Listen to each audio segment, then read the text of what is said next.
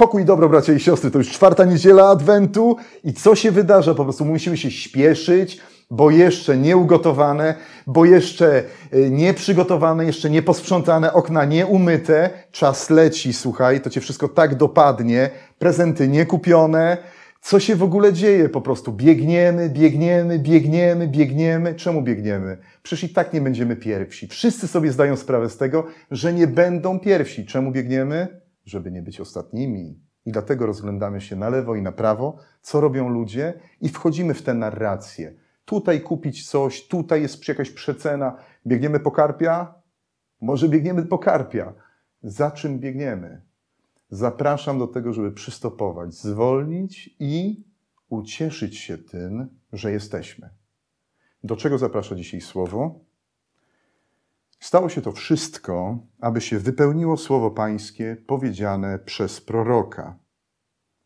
Oto dziewica pocznie i porodzi syna, któremu nadadzą imię Emanuel, to znaczy Bóg z nami. Bóg z nami. Bóg, w którego wierzymy, nie jest Bogiem obcym, który gdzieś z góry spogląda na ten nasz bieg. Bóg jest tym, który wchodzi w tę rzeczywistość, który zamieszkuje w tym świecie. I to jest niezwykłe. W jakim świecie? W świecie, który mógłby stać się domem nas wszystkich.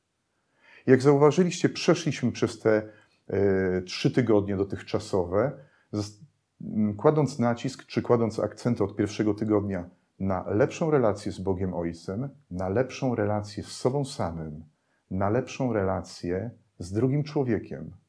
A dzisiaj zachęcam do tego, żebyście spojrzeli na świat przez pryzmat słów, które są wypowiadane podczas każdej niedzielnej liturgii. Wierzę w Boga Ojca Wszechmogącego, Stworzyciela nieba i ziemi bo On ten świat stworzył jako najlepszy świat dla Ciebie, żebyś w nim potrafił zobaczyć Jego czułą obecność w Twoim życiu.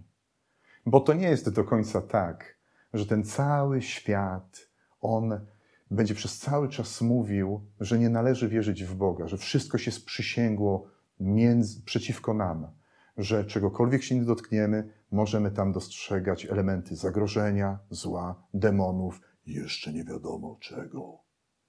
To jest troszeczkę inaczej, że jeżeli uważniej spojrzysz w to niebieskie niebo, jeżeli z taką uważnością przyjrzysz się, jak ta trawa rośnie, jak zobaczysz, jak usłyszysz ptaki śpiewające, jak przyjrzysz się, jak rosną rośliny, jak z czułością posmakujesz chleba codziennego, to zobaczysz, że jest nieskończona ilość znaków, które mówią, że ktoś Cię pokochał.